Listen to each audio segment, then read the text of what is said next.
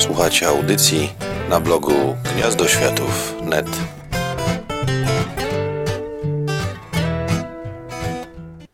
Cały wrzesień.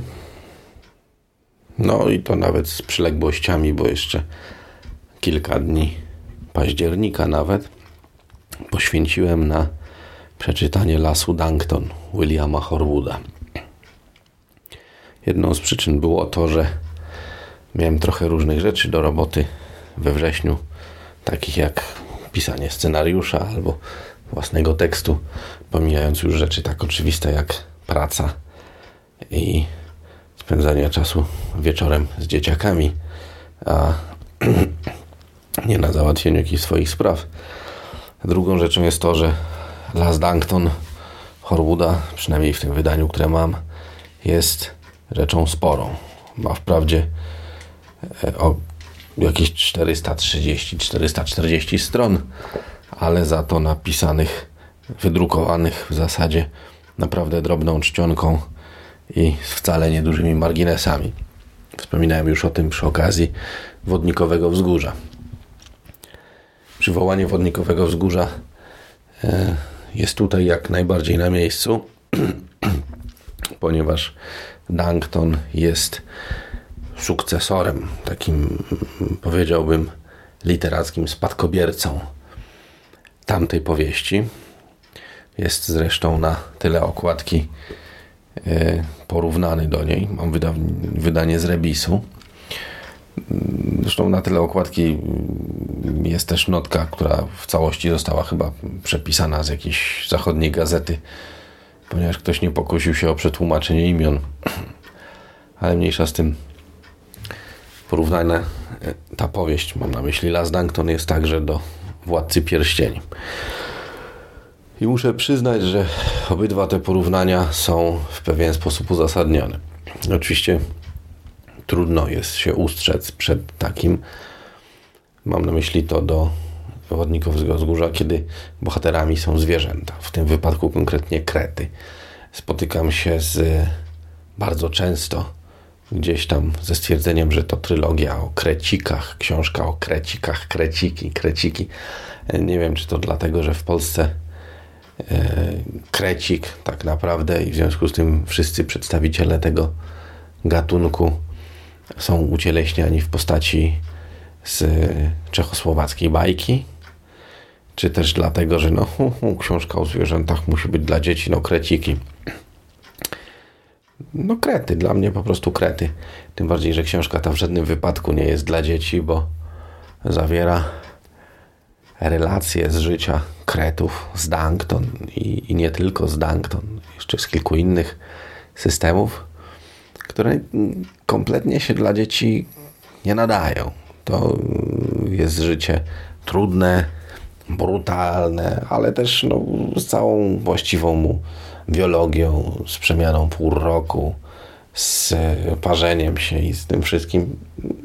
Okej, okay. no to gdzieś tam jest przedstawione w sposób naturalistyczny, więc absolutnie czytelnik młody, ale z pewnym zastrzeżeniem. Do Władcy Pierścieni książka ta jest podobna, ponieważ oni ciągle gdzieś chodzą.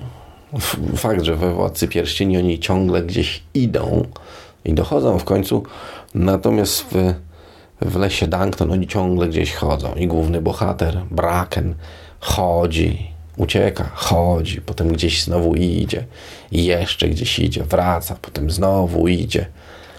E, Rebeka, jego ukochana, ona też idzie w pewnym momencie, tam gdzie jest Braken. Boswell, taki mnich, coś w rodzaju wędrującego mnicha tak naprawdę, no, bo Boswell dużo wędrował. Taki mnich, to się u nich nazywa skrybokret. W sensie, że pisać umie, nie? Bo krety piszą książki. To on też chodzi i to, uporczywy jest stwór, bo on chodzi po dwakroć w te same miejsca, dokładnie w tym samym celu.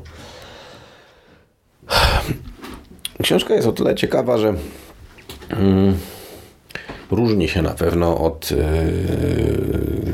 wodnikowego wzgórza pod wieloma względami. W wodnikowym wzgórzu króliki, mimo tego, że miały gdzieś tam ludzką umysłowość, prawda, że organizowały się w jakiś sposób w grupy i przedsiębrały pewne y, zadania, to z wyjątkiem królików ze Frafy pod wodzą generała Czyśca, które były dosyć specyficzne i miały dosyć specyficzną organizację społeczną, były jednak zwykłymi zwierzętami. Gdzieś tam podlegały światu e, w ten czy inny sposób. Miały oczywiście swoją mitologię, swoje opowieści i tak dalej.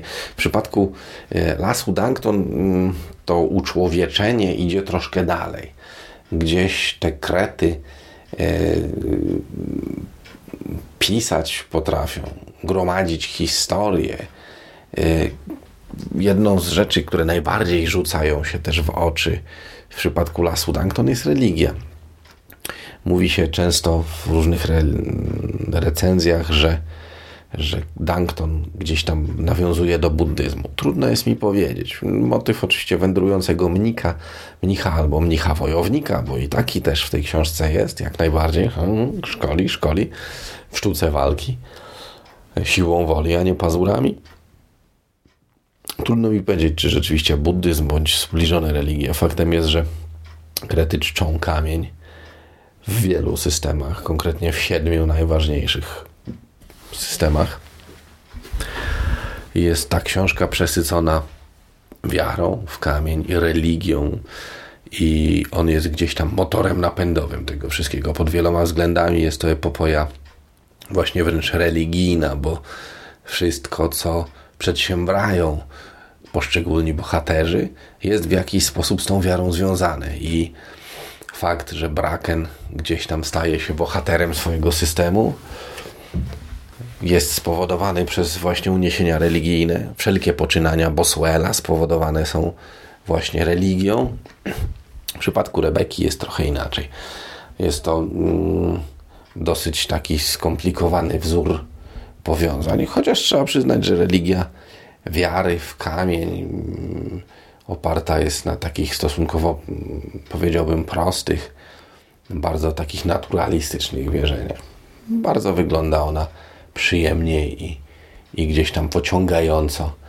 Nie wymaga na dobrą sprawę dużo mm, jakichś absurdalnych poświęceń. Wymaga mm, oczywiście trudnych rzeczy, czyli gdzieś tam wsłuchania się w siebie, zaakceptowania pewnych prawd i odnalezienia jakiegoś wewnętrznego spokoju. Może pod tym względem rzeczywiście przypomina buddyzm na tyle, na ile ja go osobiście znam. Wszystkie te wydarzenia religijne, gdzieś ten motyw drogi yy, i przede wszystkim miłość między Brakenem i Rebeką, która jest w zasadzie osią obrotu całej powieści, one się przeplatają. Na dobrą sprawę z tej książki można byłoby zrobić ze trzy książki, ponieważ jest kilka takich konkretnych fragmentów. Pierwszy, największy to jest historia systemu Dankton pod rządami Mandragory, ojca Rebeki i historia tego, jak te rządy, y, w jaki sposób one się zakończyły. Jest też historia y, część, w której Braken udał się na pielgrzymkę do Uffington, Uffington, do miejsca, gdzie żyją skrybokrety, do świętego systemu, e, gdzie przechowywana jest wiedza, gdzie, gdzie szkoleni są w niej adepci, ludzie, krety, przepraszam, obeznani z historią. A stamtąd udał się jeszcze na kolejną pielgrzymkę, żeby odkupić swoje grzechy oraz już taka finalna część, najkrótsza, w której Braken ponownie spotyka się z Rebeką, wraca do ojczystego systemu i gdzie wszystko się kończy, gdzie gdzieś tam pałeczkę przejmuje ich syn. E, mieli, mieli potomstwo takie własne i, i takie trochę przyszywane, pośród których najważniejszy był żywokost oraz Tryfan. Tryfan, z tego co wiem, odgrywa, zdaje się, ważną rolę w kontynuacji Lasu Dankton. Trudno mi teraz powiedzieć, czy się na nią zdecyduje w najbliższym czasie. Jest do dostania, ale mam wrażenie, że ta pierwsza powieść, monumentalna, ogromna, to jest cegła w wydaniach brytyjskich, potrafiła wyglądać jak jednotomowe wydanie Władcy Pierścieni, czyli na przykład z przytupem. Naprawdę z przytupem.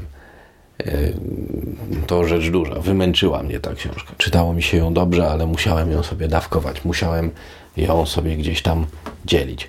Horwood yy, momentami pisał w sposób męczący. Często yy, pozwalał sobie na bardzo silne, długie yy, ekspozycje, rozwijanie akcji, nawiązywanie, a potem pewne wątki zamykał yy, niemalże pretekstowo, czasem jednym akapitem. Pewne postacie znikały w zasadzie w jednym zdaniu, skwitowane tak troszkę w zasadzie nie były potrzebne. Oczywiście tu też trochę myślę e, wpływ na to miała, miała forma powieści, forma opowieści w świecie przedstawionym, ponieważ cała książka jest jak gdyby relacją gdzieś tam zapisaną w domyśle przez Tryfana w świętych leżach Woofington. Historią, legendą o Brakenie, Rebece, o Boswellu, o siódmym klejnocie, o księdze ciszy i o tym, jak pewien skrybokret stał się białym kretem, co jest wielokrotnie zresztą w tekście podkreślane przez e, wyraźne stwierdzenia mówiące o tym przez nawiązania, przez pewne uwagi. Można więc tutaj założyć, że to jest troszeczkę tak, że Las Dankton jest taką relacją i to, co było ważne, to, co zostało rozpoznane, jest podane, a elementy, które umknęły gdzieś tam czujnemu oku historii i skrybów, zostają pominięte. Niemniej, mm, no mam wrażenie, że pewne wątki zostały domknięte zbyt łatwo, zbyt tak pretekstowo, to nie zmienia faktu, że powieść czyta się dobrze, że w tym rozmachu, oprócz tego, że oni chodzą w tej z powrotem cały czas tam i siam i jeszcze w różne inne miejsca i czasem tak naprawdę nie do końca wiedziałem po co tam chodzą, ale może też przyczyną było to, że często czytałem po północy, bo wcześniej po prostu nie miałem kiedy, a kiedy czyta się od y, północy do pierwszej, to czasem człowiek jest zmęczony i coś mu umknie.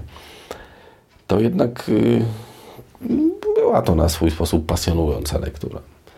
Trochę też muszę tu przyznać, że gdzieś nałożyło mi się już zmęczenie powieściami animalistycznymi po przeczytaniu właśnie y, Beasts of New York, po przeczytaniu Wodnikowego Wzgórza, E, I gdzieś tam to wszystko jakoś tak chyba za bardzo chciałem wziąć na klatę.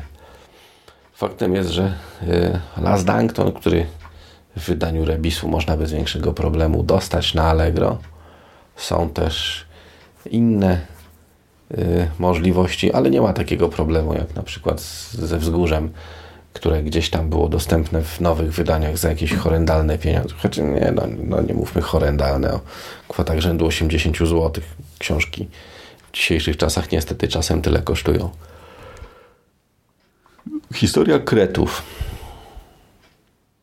Jakkolwiek mogłoby się to wydawać absurdalne. Kretów, nie krecików. Skończmy z tym głupim y, zdrawnianiem. Jest rzeczą literacką bardzo wysokiej próby. Chociaż można odnieść wrażenie, że Horwood na tej książce nauczył się rzemiosła, bo są tam fragmenty naprawdę świetne, a są fragmenty, które są mniej świetne. Jest trochę dłuższy. Są momenty, kiedy człowiek drapie się w głowę i zastanawia się, no ale po co i czemu ma to służyć. I jest to, o czym mówiłem, czyli takie skracanie pewnych wątków, które jest irytujące, ale nic ponadto. Jest bardzo dobrą lekturą, szczególnie, że zbliżają się długie zimowe wieczory, że złota polska jesień nie jest wcale aż tak złota, jak prawdopodobnie byśmy sobie tego życzyli i raczej e, może się okazać, że wieczorne, październikowe bądź listopadowe grille ze znajomymi nie bardzo będą miały warunki, to w tym wypadku lektura jest rzeczą jak najbardziej na miejscu ta recenzja, którą tutaj wypowiadam, jest y, w dużym stopniu chaotyczna. No jest to też do pewnego stopnia odbicie całej książki. Ale chciałbym wierzyć, że tak jak w książce, e, w życiu jej bohaterów, w tym, co nimi powoduje, jedną z nadrzędnych rzeczy jest odnaleźć wewnętrzną równowagę. Oni mówią, że chodzi o to, aby odnaleźć ciszę kamienia. Tak może i w tej recenzji chodzi o to, żeby z tego poplątanego i nieco bełkotliwego chaosu wydobyć parę elementów, które zachęcą Was do sięgnięcia po tę lekturę. W związku z tym może zrobimy tak, że Wy się za nią rozejrzycie, a ja tymczasem odnajdę ciszę.